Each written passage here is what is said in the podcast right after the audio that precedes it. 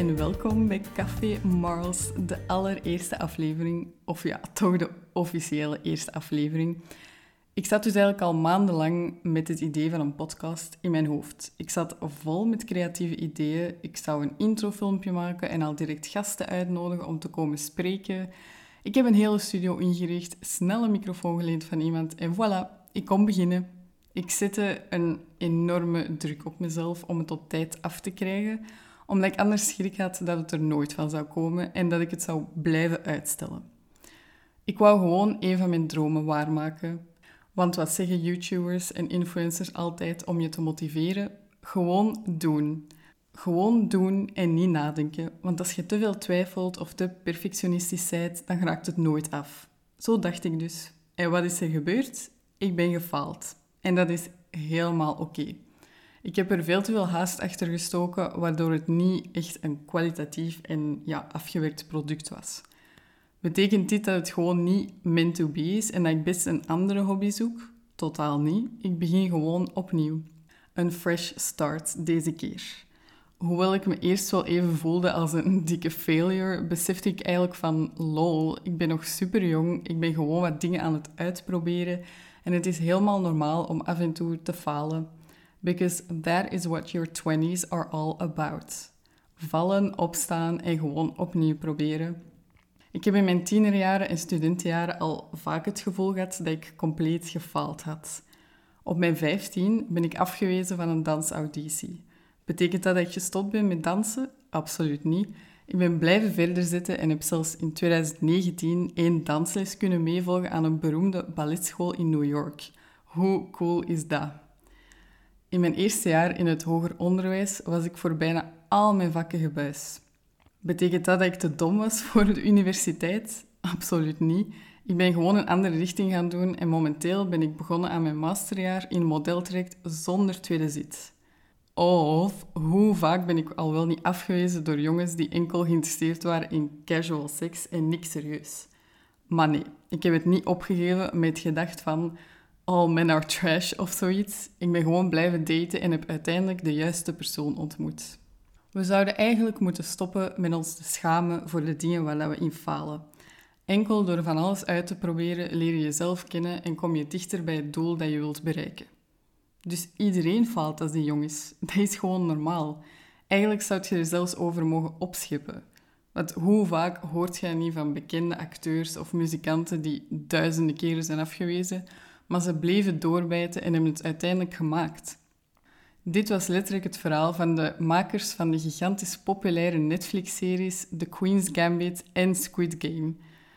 Um, ik had dus bijvoorbeeld gehoord dat de maker van Queen's Gambit echt al tien jaar geleden of zo probeerde daar een serie van te maken, maar die bleef gewoon afgewezen worden. En dat werd uiteindelijk de meest bekeken Netflix-serie ooit, als ik me niet vergis. En nu is exact hetzelfde gebeurd met Squid Game. En ik denk zelfs dat hij de Queen's Gambit gaat voorbijsteken. Dat is toch gewoon zot? Nu, ik weet niet of ik het zou overleven in zo'n harde omgeving zoals Hollywood. Maar dat is ook totaal niet erg.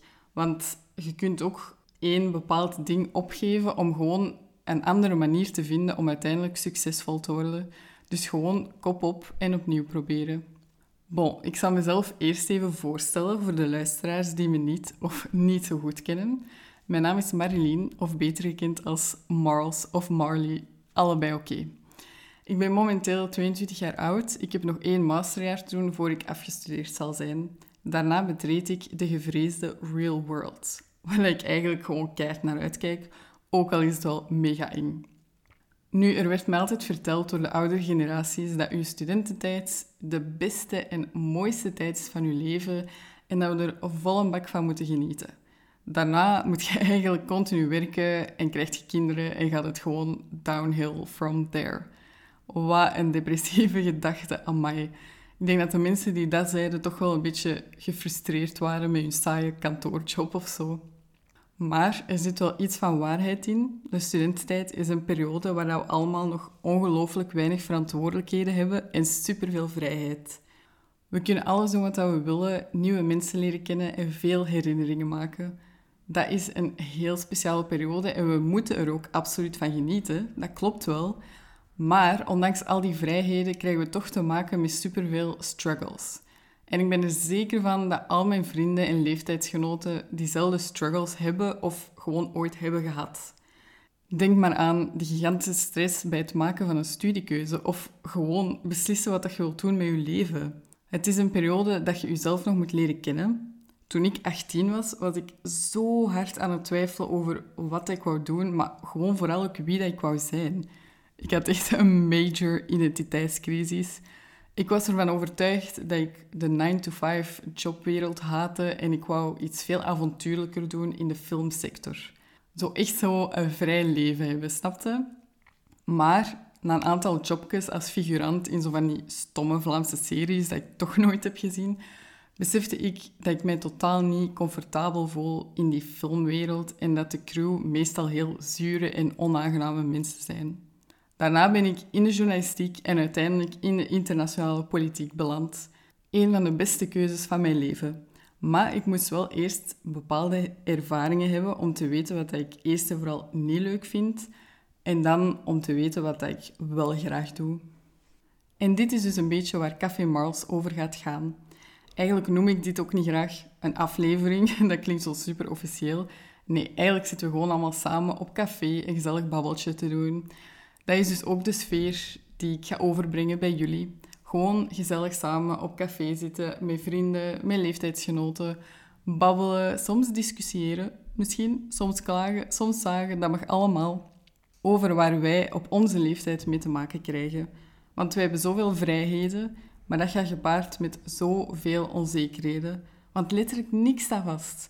We zijn niet getrouwd, we hebben nog geen carrière, geen één vaste vriendengroep of niet één vaste woonplaats.